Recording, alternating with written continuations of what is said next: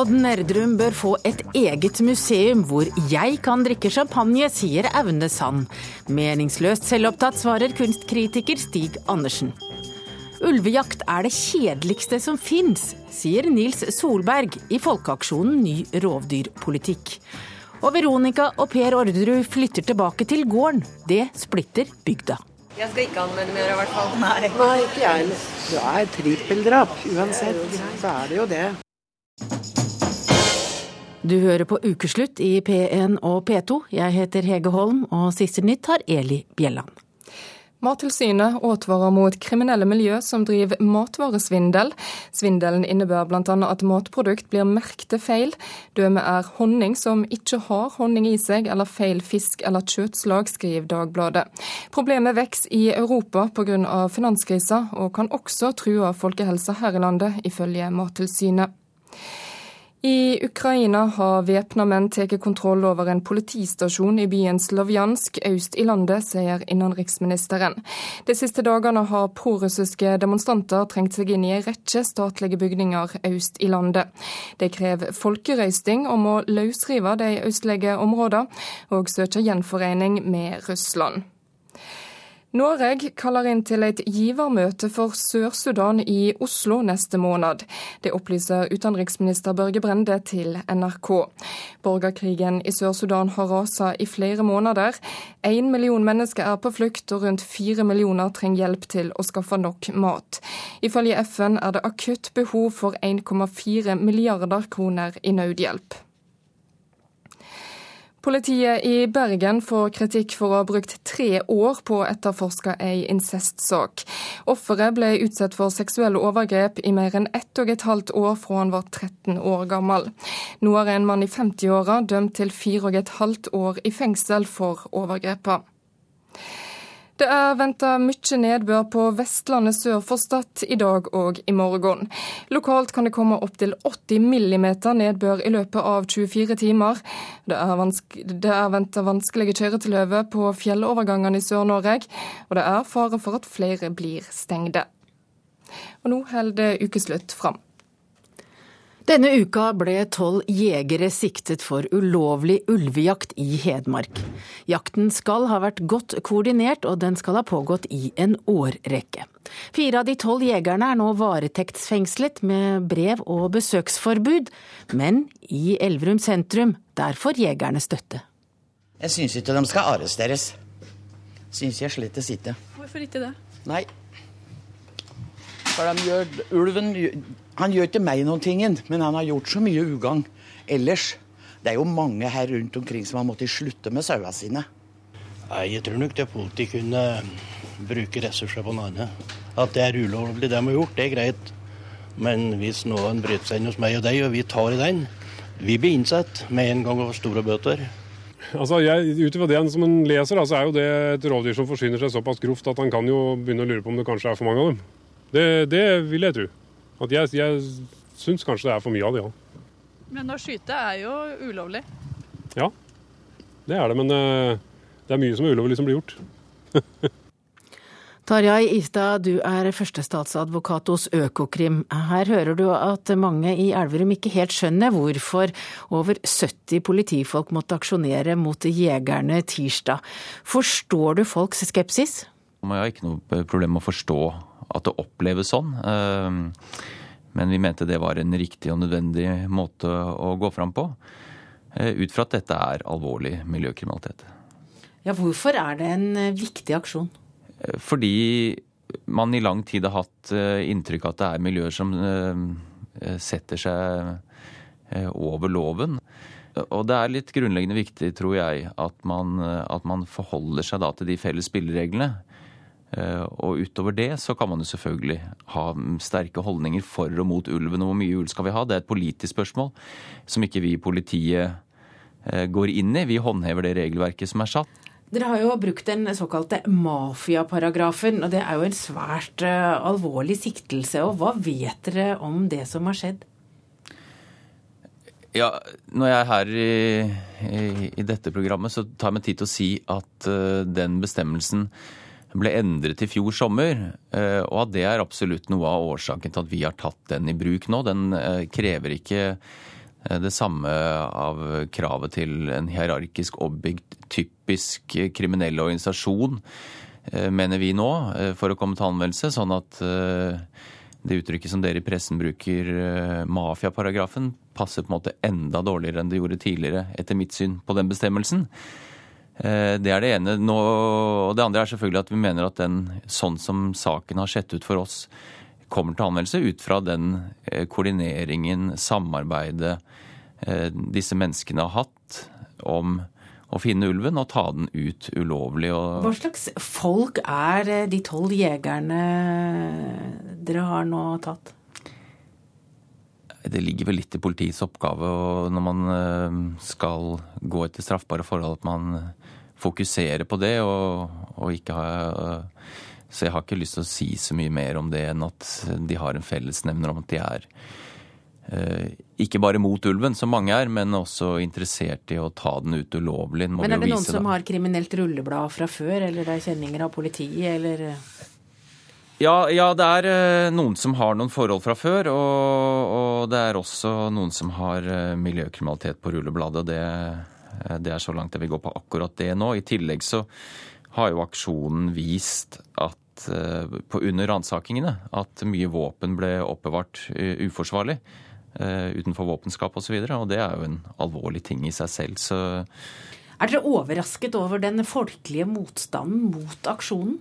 Nei, det er jeg ikke overrasket over. Det er veldig sterke synspunkter på, på rovviltpolitikken.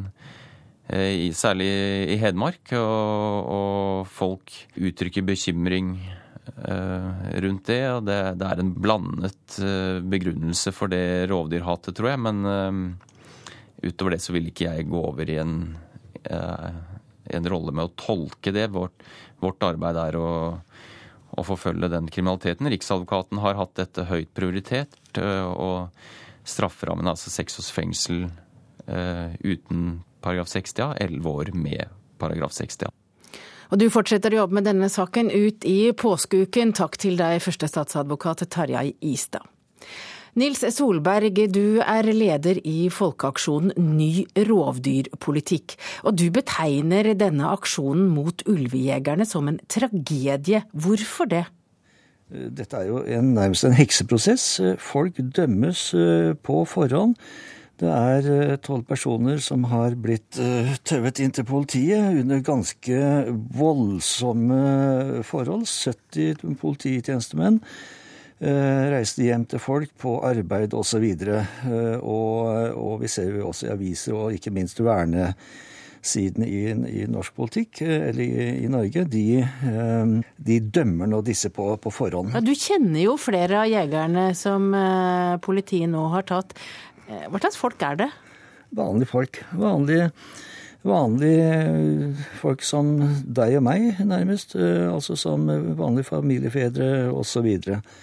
Det er gjennomsnitt av, av den norske befolkningen som, som, er aktive jegere og friluftsmennesker, og som høster av det naturen gir. Men har du sympati med jegere som skyter ulv ulovlig? Nei, men det er nettopp, nettopp det eh, som blir veldig feil i retorikken her. For, for, at vi vet jo nettopp ikke at, om de har skutt eller, eller ikke. Arnold Håpnes, du er fagleder i Naturvernforbundet, og du jubler over at folk som eh, skyter ulv ulovlig nå blir tatt, og at folk som Solberg røkes ut av hiene. Hvorfor det?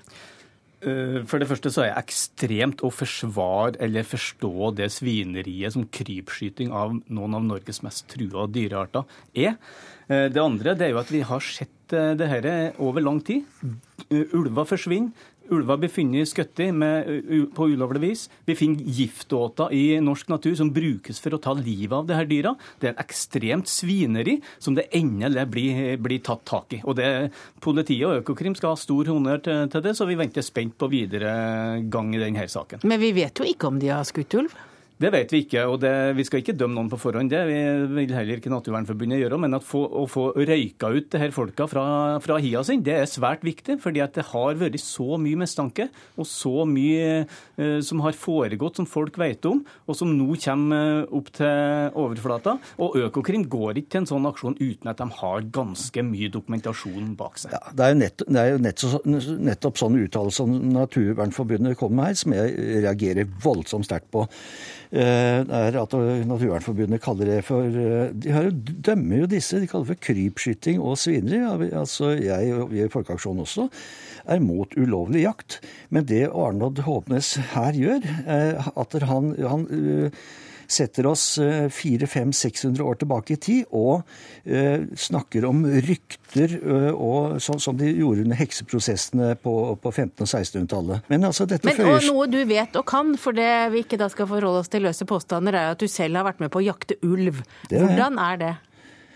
Nei, altså Ulvejakt er for det første innmari kjedelig. Det er, eh, det er, eh, Og den foregår eh, under, under ja, Det bør være bra med snø osv., og, så videre, og så er det massevis av sporingsarbeid i forkant av det. Og så står man der da, time etter time og fryser. Så ulvejakt er vel egentlig det mest kjedelige jakt man kan bedrive. Hvor mange ulv har du skutt? Nei, Det svarer jeg ikke på, men jeg har skutt ulv. I Norge? Jeg svarer ikke, svarer ikke på det.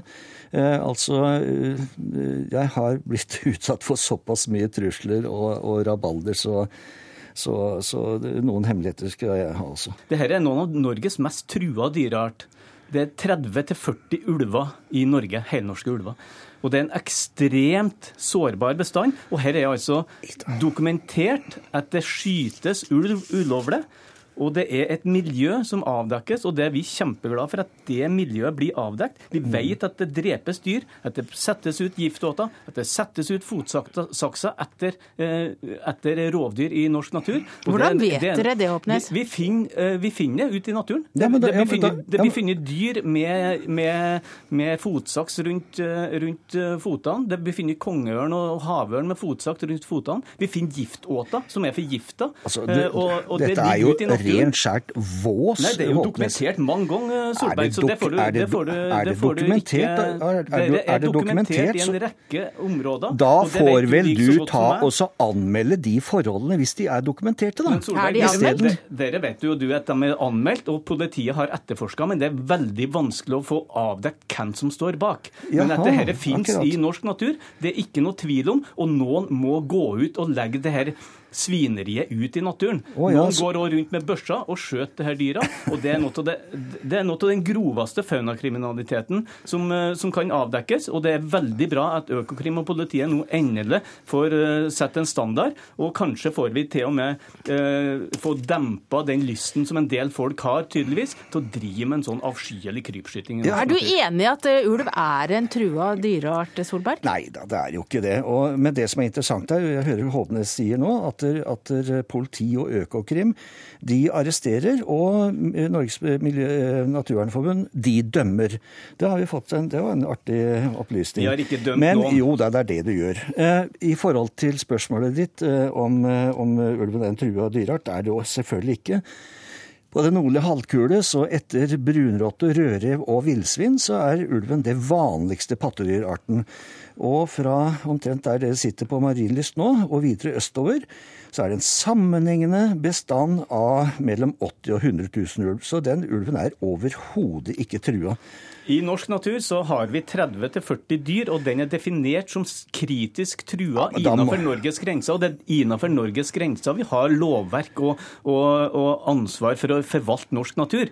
Vi kan ikke ta hensyn til at det er massevis av eh, arter andre plasser i verden. Vi, Norge, skal forvalte norsk natur innenfor landets grenser, og der er ulv en kritisk trua art med veldig få individ igjen. Og hva, Hvor mange ulv skal vi ha i Norge da? Eh, vi sier at i Norge skal vi ikke ha ynglende ulv. Dette er en organisasjon som får 1,5 millioner kroner fra Landbruksdepartementet for å kjempe for å utrydde en art fra norsk natur. Det er ekstremt, og det er noe som Naturvernforbundet selvfølgelig vil arbeide imot. Får dere 1,5 million fra, natur, fra Miljøverndepartementet for å utrydde ulven, Solberg? Eh, vi får 1,5 millioner fra myndighetene for å eh, drive politikk og folkeopplysning i Norge. Men Solberg, hvilke konkrete skader gjør ulven som gjør at det er verdt såpass mye penger og så mye innsats? Eh, jo, altså de tar jo hundene våre, blant annet. Jeg kommer selv fra Hallen kommune. Det var ett år i kommunen. Eh, jeg husker ikke, det var fire år siden var det vel nå. Eh, det ble tatt 13 hunder i, i kommunen. Og dette er familiehunder. Og jeg skal love dere at det gjør noe med deg når du kommer bort og, og, og finner hunden din flekt filler.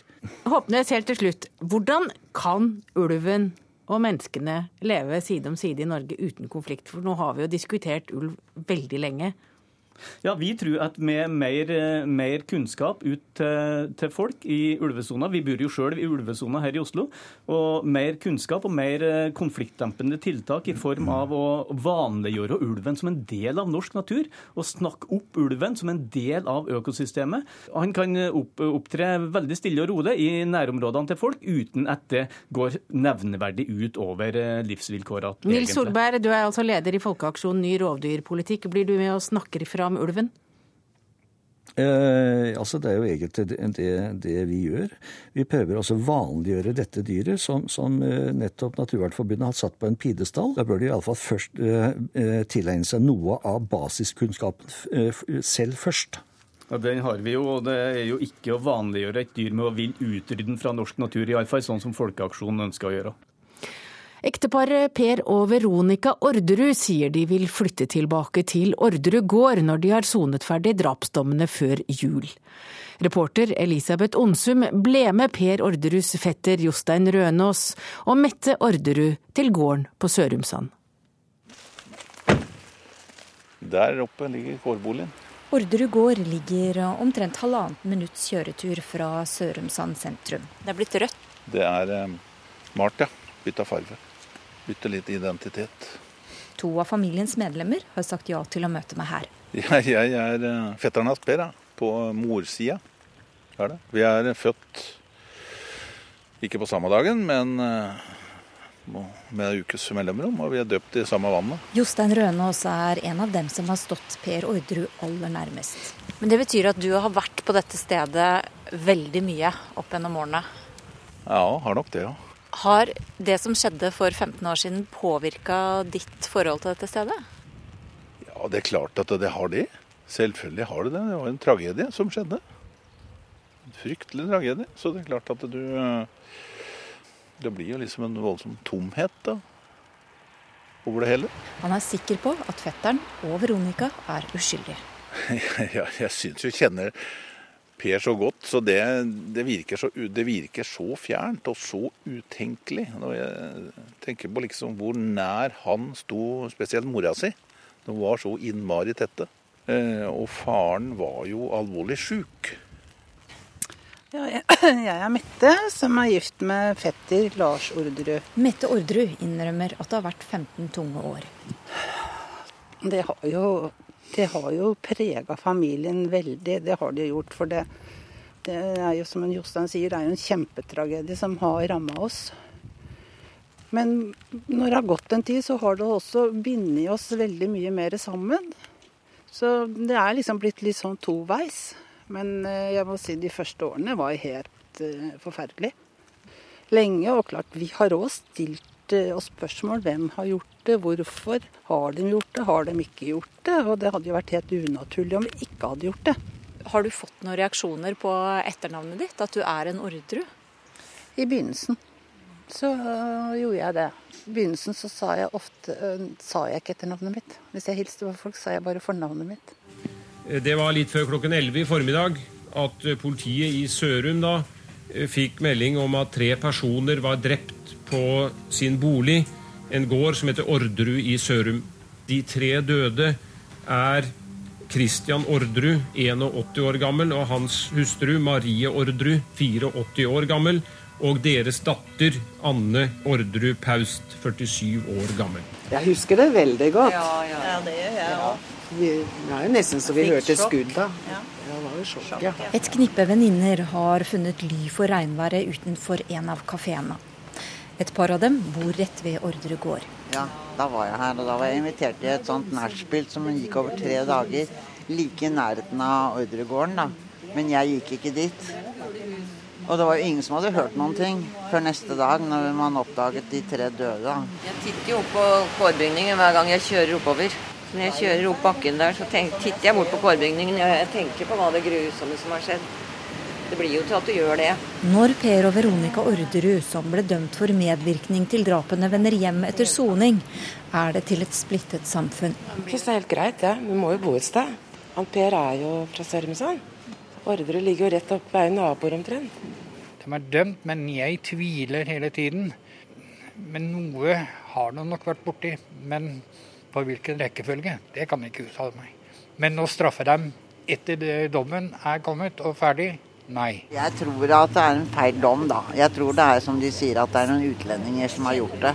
Jeg tror ikke noe på at en sønn kan drepe moren og faren sin.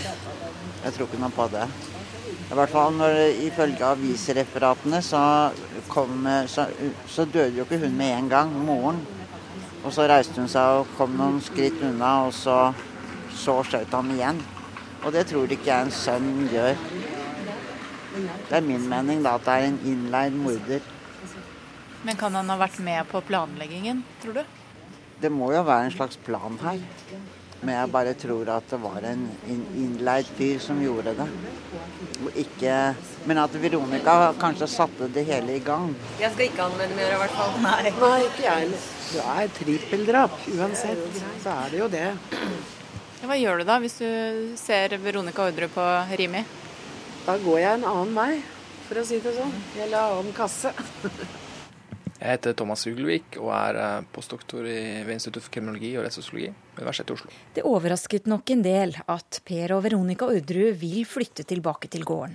Vi, vi ser en tendens til at folk som blir løslatt etter lange fengselsdommer etter, etter å ha sittet for alvorlig kriminalitet, kanskje velger å ikke flytte hjem igjen pga. nettopp at, at de ønsker å unngå den oppmerksomheten. De ønsker å unngå å, å måtte flytte tilbake til et sted hvor alle vet uh, hvem de er, hva de har gjort. ikke sant? Men i dette tilfellet kan det være det beste valget for dem, tror Ugelvik. Men det er klart at når du har å gjøre med to personer som har den type kjendisstatus som det er snakk om i dette tilfellet, så er det på en eller annen måte samme hvor de flytter i Norge, så vil absolutt alle vite hvem de er. Så sånn sett kanskje like greit? Ja, da kan man jo tenke det at de gamle naboene deres og, og, de folka som kjenner de fra før av, de har jo kanskje noen andre referanser i tillegg fra før. Sånn at for dem så er det jo noe mer enn bare trippeldrapsdømte, ikke sant. Vi står nå få meter fra kårboligen der skuddene falt natt til pinseaften for 15 år siden. For det fjellet, det ligger rett bak kollen der. Der var det jo bilspor. Boligene er utleid, og familien ønsker ikke at vi går inn der. Politiet har sin teori om hva som har skjedd. Hva tror du har skjedd? Nei, jeg veit ikke hva som har skjedd. Det veit jeg ikke. Da hadde jeg sagt det til noen før. Det eneste jeg er helt sikker på, det er at Per ikke har gjort det. Eller Per og Veronica ikke har gjort det. Hva tror du har skjedd? Vet ikke. Jeg vil ikke spekulere. Jeg vil egentlig bare ha fakta. Det har jo vært noen våkenetter, kan jeg tro? Det har vært veldig mange nå, nesten så jeg begynner å grine igjen. For det har vært veldig mange våkenetter. Mange tunge netter. Mm. Selv om de har sonet dommen, er det fortsatt et åpent spørsmål hvem som avfyrte skuddene. Hvordan er det å leve med den uvissheten? Det syns jeg nesten er det verste. For hadde den brikka kommet på plass, så hadde vi jo fått visst litt mer og vite hvem som står bak og hvorfor. Tror du det kommer til å skje? Kan ikke gi opp håpet. Ja, Det er jo det som er så bedrøvelig, at vi liksom sliter med å finne ut av det. Da. Det, er, det hadde vært en befrielse å få det på plass. Og det sa altså fetteren til Per Orderud, Jostein Røne, og så du hørte også Mette Orderud. Vi har en rettelse å gjøre, for i debatten om ulvejakt ble det sagt at det var Miljøverndepartementet som ga penger til aksjonen Ny rovdyrpolitikk.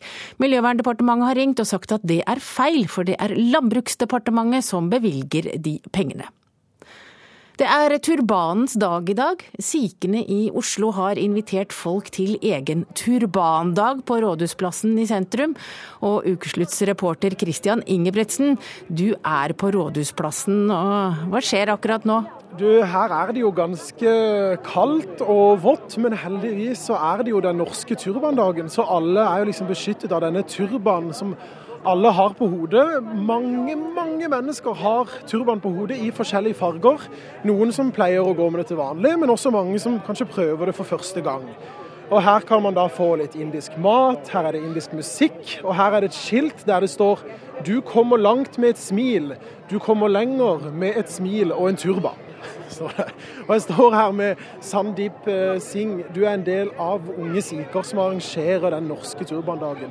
Hvorfor arrangerer dere den dagen? Turbandagen eh, arrangerer vi for å relansere turban som et eh, symbol på solidaritet og likeverd. Um, og vi arrangerer den for å ta tilbake definisjonsmakten uh, for dette plagget her.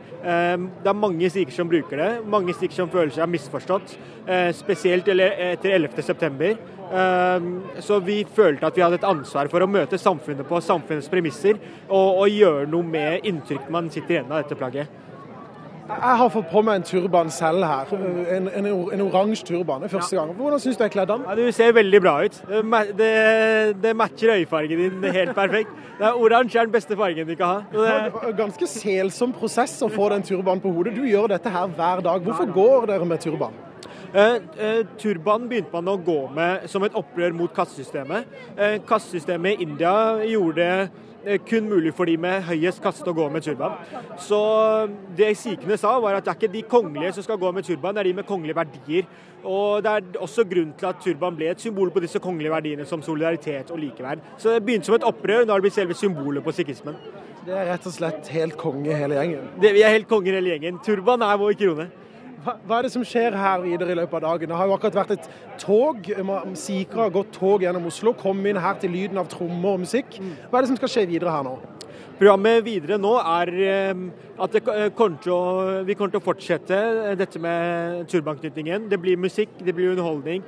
Og målet har vært å gjøre dette til en festival år for år. Så det blir gratis indisk mat, det blir turbankino, turbanskole, you name it helt kongestemning her nede på den store turbandagen, altså. Ja, takk til deg, turbanreporter Christian Ingebrigtsen. Du hører på Ukeslutt i P1 og P2. Aune vil ha Nerdrum-museum til tre milliarder, der han kan drikke champagne. Et grotesk framstøt, mener kunstkritiker.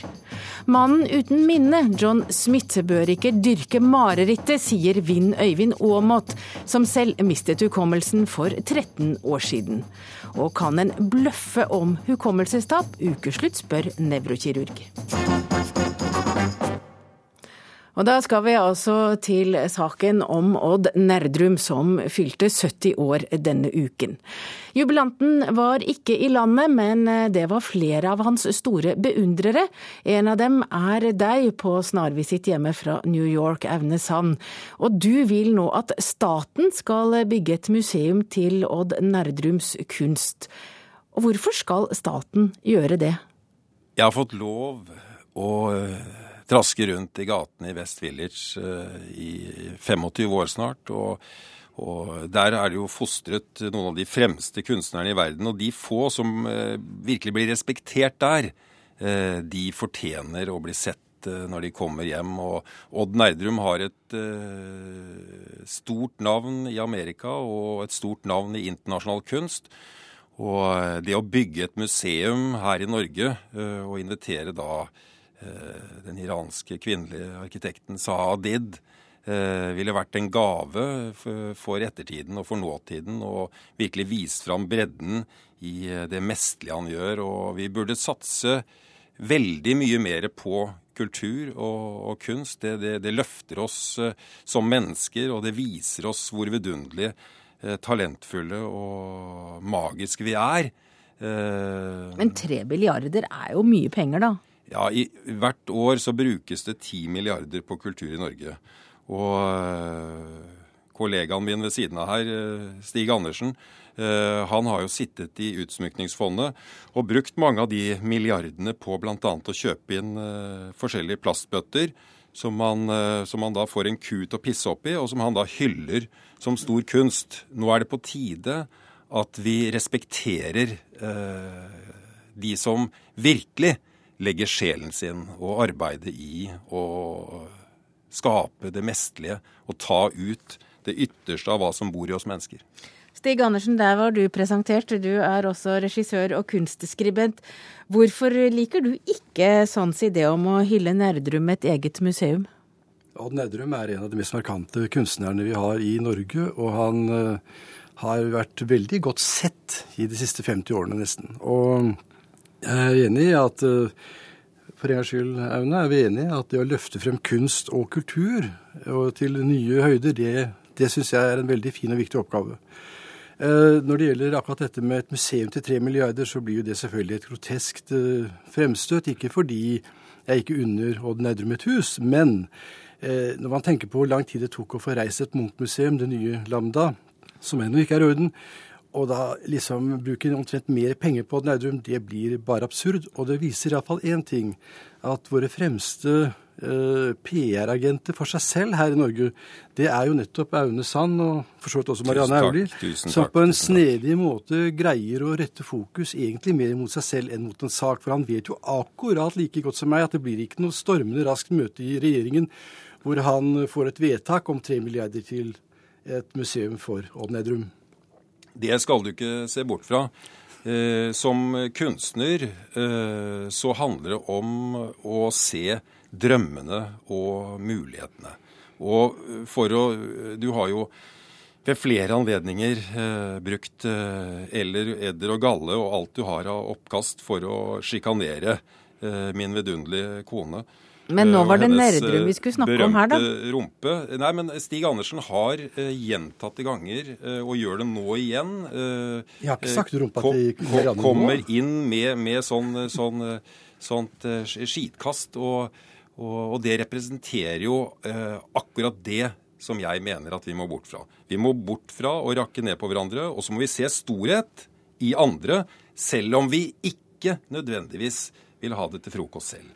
Når jeg blir beskyldt for det ene året jeg satt som direktør for Utsmykkingsfondet for å gi penger til plastbøtter som kurer pissti, så var nok ikke det tilfellet. Jeg satt der som en byråkrat. Det, det er det man Nei, bruker offentlige midler til. Og det er på tide at det norske folk vet hva slags skit dere kjøper inn. Aune Sand, vi må tilbake til Odd Nerdrum. Hvorfor er det det offentlige som skal bygge et eh, museum for Odd Nerdrum? Kunsten hans selger jo av seg selv. Odd Nerdrum eh, har eh, gjennom et eh, langt, fantastisk kunstnerliv klart seg helt på egne ben. Og når man fyller 70 år, da har man kommet opp i en sånn klasse at da er det på tide at man ser for ettertiden.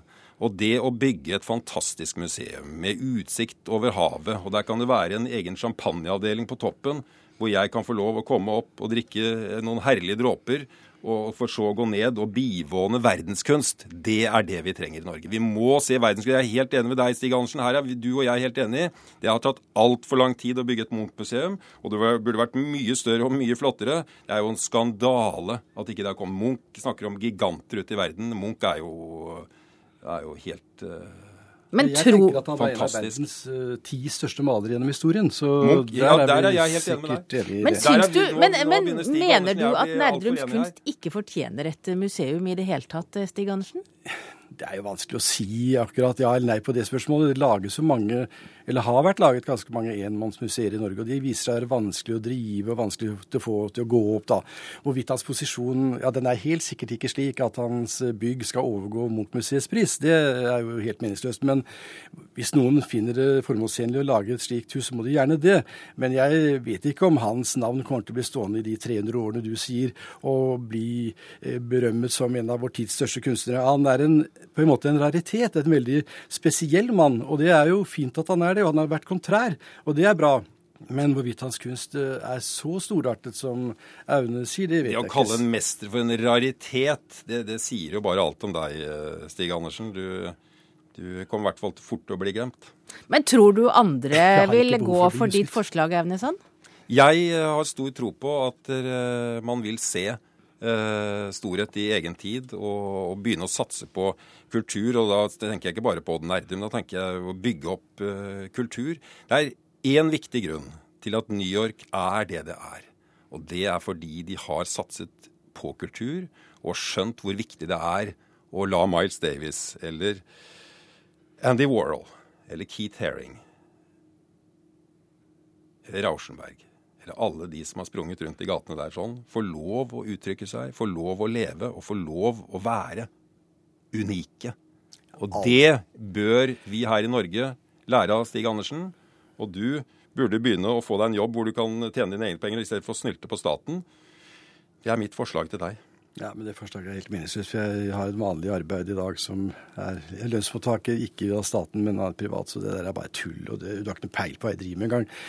Men uh, jeg har jo ikke noe mot et slags mangfold. At uh, det går forskjellige kunstnere rundt i en samtid. Selvfølgelig er ikke det. Det er med på å berike det. Nei, du, du rakker ned Nei, jeg, på mangfoldet og, og, eh, kommer med edder og galle og løgner. Men nå er, det, nå er det altså ikke Stig Andersens profesjonelle liv. Du skulle skamme deg. Sånn skamme deg, skulle du. Ris på rumpa. Vi skulle bare hatt ordentlig ris på rumpa, så blir det sånn mørkerød. Det er det men, skulle du vært uh, ja, ja, Men du, tenk på deg selv, da, kjære Tenk på deg selv. Ja, du, når du liksom forteller om La meg snakke ut nå, da. Når du forteller om Nerdrum-museet, så skal du stå på toppen og servere champagne. Ja, det er jo helt meningsløst. Selvopptatt. Du fokuserer tilbake på deg selv hele tiden. Og du er dessverre ikke så jævlig interessant. Men du tror det kanskje selv. Du har begynt å banne her, Stig Andersen. Jeg trodde du var en Jeg er jo ikke en dannemann. Du har sagt at jeg er et rasshøl, så det er da greit nok. Men Stig Andersen, ja, si det har vært forferdelig lite oppmerksomhet rundt uh, Odd Nerdrums 70-årsjubileum. Uh, ja, Det kan jeg si ikke er riktig. Han, det er klart at det blir jo markert, men for så vidt relativt lite. Og at han har vært offer for en slags form for underkjennelse fordi hans posisjon i norsk kunst er såpass markant, det kan jeg se. Men når Aune snakker om dette her med med at eh, staten skal gjøre dette, så gjør han en ganske stor feil, etter mitt skjønn. Og det er at han uh, lar staten være den øverste kunstkjennermyndighet i Norge. Og det ja, syns jeg ikke det, går an. Det er det du kommer fra. Du har jo svømt rundt i den dritten hele livet ditt. Men det har jo ikke du, Ernesand. Hvorfor nei, jeg, er du så opptatt jeg, jeg, av staten nå? Eh, fordi han er 70 år. Og da har han gått et langt løp alene i skog og mark. Og når han da kommer inn til standplass, da skal det i hvert fall være en gløgg. Mannen som kaller seg John Smith, som sier han ikke husker noe fra sitt eget liv, har fått stor oppmerksomhet denne uken. Etter at politiet gikk ut med bilde av mannen, har de som etter alt å dømme er hans tsjekkiske foreldre, meldt seg. Men hva slags liv venter John Smith nå? Ukeslutts reporter Ingvild Edvardsen oppsøkte Vinn Øyvind Aamodt, som ble rammet av hukommelsestap for over 13 år siden. Jeg tror at eh, det var i eh, den eh, delen der. Rett rundt hjørnet. Vi står utenfor et hvitt, stort murhus i Ullevålsveien i Oslo med en grønn plen foran. Det regner. Vinn Øyvind Aamodt peker opp mot leiligheten der han bodde fra han var tre til han var fem år gammel. Jeg var nok ganske aktiv. I hvert fall eh, vintermessig har jeg sett mye aktivitetsbilder. Jeg har hørt mye om at jeg løp ut eh, og tråkket ski i hagen med en gang jeg var tilbake fra skolen og sånn. Men selv husker han ikke noe fra huset på Sankthanshaugen. Vi spoler fram i tid. Vinn Øyvind er 27 år gammel på tur alene i Kina når han blir funnet i en uttørket elv uten å kunne gjøre rede for seg. Alle minner fra årene som har gått, er slettet. Jeg vet ikke hva de menneskene tenkte som først liksom pratet til meg uten å få noen reaksjon, men, men tydeligvis så skjønte de i den landsbyen jeg da var oppe i fjellene i, i Hunan-provinsen, at noe hadde skjedd med meg som jeg ikke selv skjønte. Vinn Øyvind var blitt rammet av en svært sjelden form for hukommelsestap, eller amnesia retrograd. Denne uken har vi kunnet lese i avisene om det som kan være et nytt tilfelle. Side seks, åtte en mann som har blitt kalt John Smith, ble funnet skadet og stripset på armene i en grøft i Oslo i desember. Det har vært ille, ja. Han sier han ikke vet hvem han er, og til NRK tidligere denne uken beskrev han situasjonen som et mareritt. I would not wish this to the worst enemy. I would not wish this to the worst human being because this is this is this is worse than the I know that it will sound like a cliche or whatnot, but this is really worse than, than the worst nightmare, worse than the worst, worst uh, prison. Sånn som han uttrykker det, hvis jeg har forstått rett, i hvert fall, så har han en, en ganske klar forbindelse til følelsene sine. Da, da er det tydelig at uh, den form for hukommelsestap uh, som han nå uh, ser ut til å gå igjennom, er ganske annerledes enn det jeg opplevde akkurat på det punktet, i hvert fall. Selv om det er likheter med liksom, hvordan vi ble funnet og, og, og hjulpet og, og, rundt det, så, så hadde jo ikke jeg noen kontakt med følelsene på det viset. Du tenkte ikke at det var fryktelig leit? Jeg tenkte ikke at det var fryktelig leit. Jeg forsto ikke hva som hadde skjedd med meg selv. Og når folk sa det var leit, hvis de sa det på en måte som ja, dette er leit, så sa jeg ja. Altså, ja, det er vel ikke eh, Det er ikke så leit. Nei, liksom. Jeg, jeg responderte på det som eh, var de impulsene jeg fikk fra omgivelsene.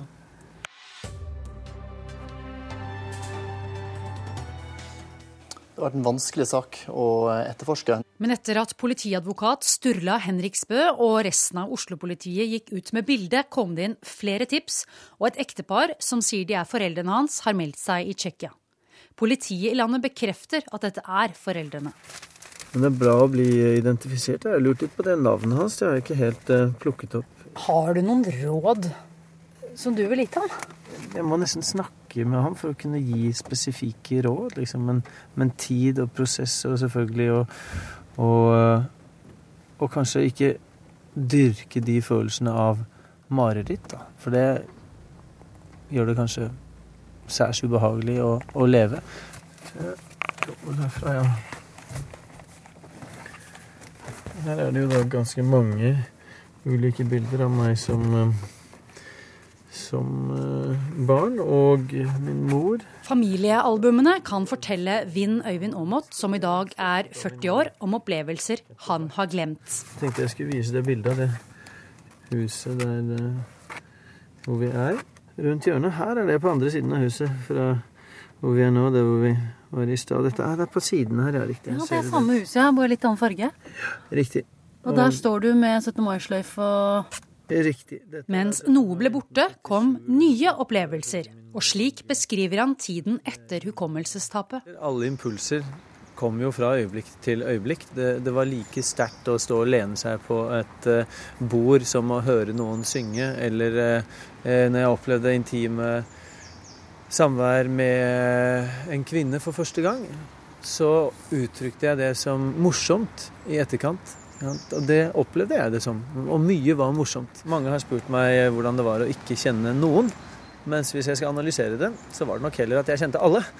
For med en gang noen sa hei, så var det liksom jeg speilet den heien, og det gikk rett tilbake. Og vi var venner, liksom. Sånn som jeg etter hvert da begynte å forstå uttrykket venner, som jo også kan være en, en form for abstrakt uttrykk.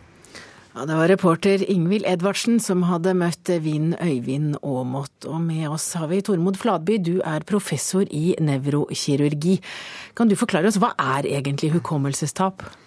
Ja, bare korrigere først. Nevrologi, ikke nevrokirurgi. Nevrologi. Ja, og hukommelsestap, det Eh, er jo selvsagt tap av minner. Kommer i forskjellige eh, varianter. Kan være tap av evne til innlæring, og kan være tap av minner tilbake i tid.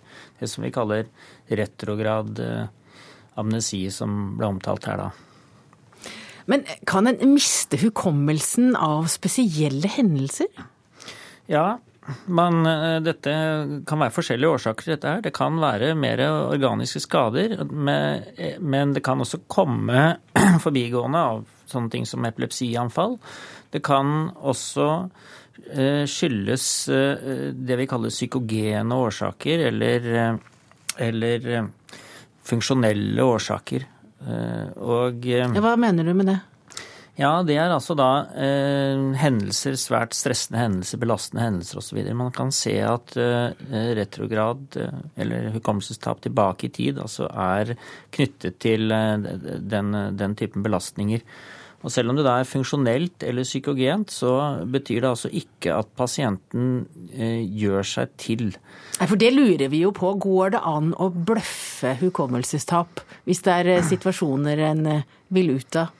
Ja, det går selvsagt også an, men eh, som regel er det ikke det som er årsaken i, i, i slike tilfeller.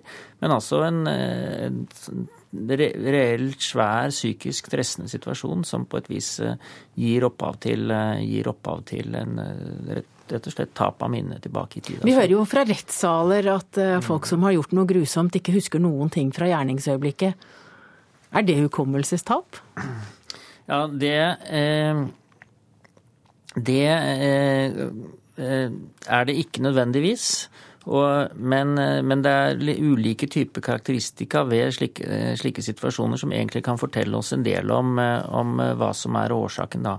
Hvorvidt de eh, mister evnen til ny innlæring, hva som er varigheten rundt det hele, og, og, og, hvordan hele situasjonen rundt dette er. Men du som er nevrolog, kan du avsløre om det er bløff? Eh, altså ved hjelp av eh, nei, man, eh, Ved hjelp av eh, en del sånn støtteteknikker, kan du si, så kan vi eh, finne ut mer om årsaken til dette her. Og det, det, handler jo om eh, hjerneundersøkelser av forskjellige slag. Bildeundersøkelser, EEG, funksjonelle undersøkelser med PET f.eks. Med PET? Kan, ja, så kan man si Hva er det? Det er en uh, type teknikk som kan fortelle oss om uh, aktivitet i hjernevevet, f.eks. i de uh, strukturene som støtter innlæring. Da. Når du hører historiene her, det er Øyvind, eller Vin Øyvind Aamods historie, og så er det John Smiths historie, hva tenker du da? Ja, Etter hvert som vi har fått vite litt mer i løpet av denne uken, så tenker jeg jo at dette minner om et psykogent hukommelsestap. At, eh, nå, at, at, det altså er ekstremt ja, stressende begivenheter, eh, hendelser rundt dette, som har forårsaket, eh, som har forårsaket det bildet. Betyr det, det, at du tror han kan få tilbake hukommelsen når ting roer seg og han møter folk han kjenner? Ja, eh, i, best, i, beste fall, og kanskje, og kanskje gradvis. Men der tenker vi jo også litt film for hukommelsestap er jo mest sånn eh, ting vi, Det er det vi har sett på film. Og hvis du da får et hardt slag eller opplever noe spesielt, så plutselig så kommer minnene til deg. Er det bare på film? Ja, det tror jeg vel er mer på film. Og så er, det, så er det altså slik at det er mange årsaker til dette her. Ikke sant? Vi, ser, vi, vi ser slike tilfeller med psykogene, eh, psykogene eh, hukommelsestap. Og det kan eh, være eh, vaskulære årsaker, slag, det kan være betennelsesforandringer, det kan være andre ting som, eh, som forårsaker lignende bilder. Da. Vi hører jo at eh, Vin Øyvind han, han, husket ikke moren sin, men han kjente henne en god følelse når han hørte henne snakke. Mm. Og han forteller at han måtte oppleve alt på nytt. Men han ja. kunne jo gå og stå. Betyr det at bare enkelte deler av mm. hjernen vår kan slettes? Ja, uh, det, det, sier noe om hvordan hukommelsen er organisert. Og det er, det er, slik at det vi kaller episodisk minne, det er Der skjer innlæringen gjennom eh, litt andre strukturer enn det som er sånne læring av prosedyrer og læring av språk osv. Og og så blir det spennende å se hvordan det går med John Smith. Takk til deg, nevrolog Tormod Flatby. Ukeslutt takker for seg. Kari Li hadde ansvaret for sendinga. Eli Kyrkjebø styrte teknikken. Jeg heter Hege Holm.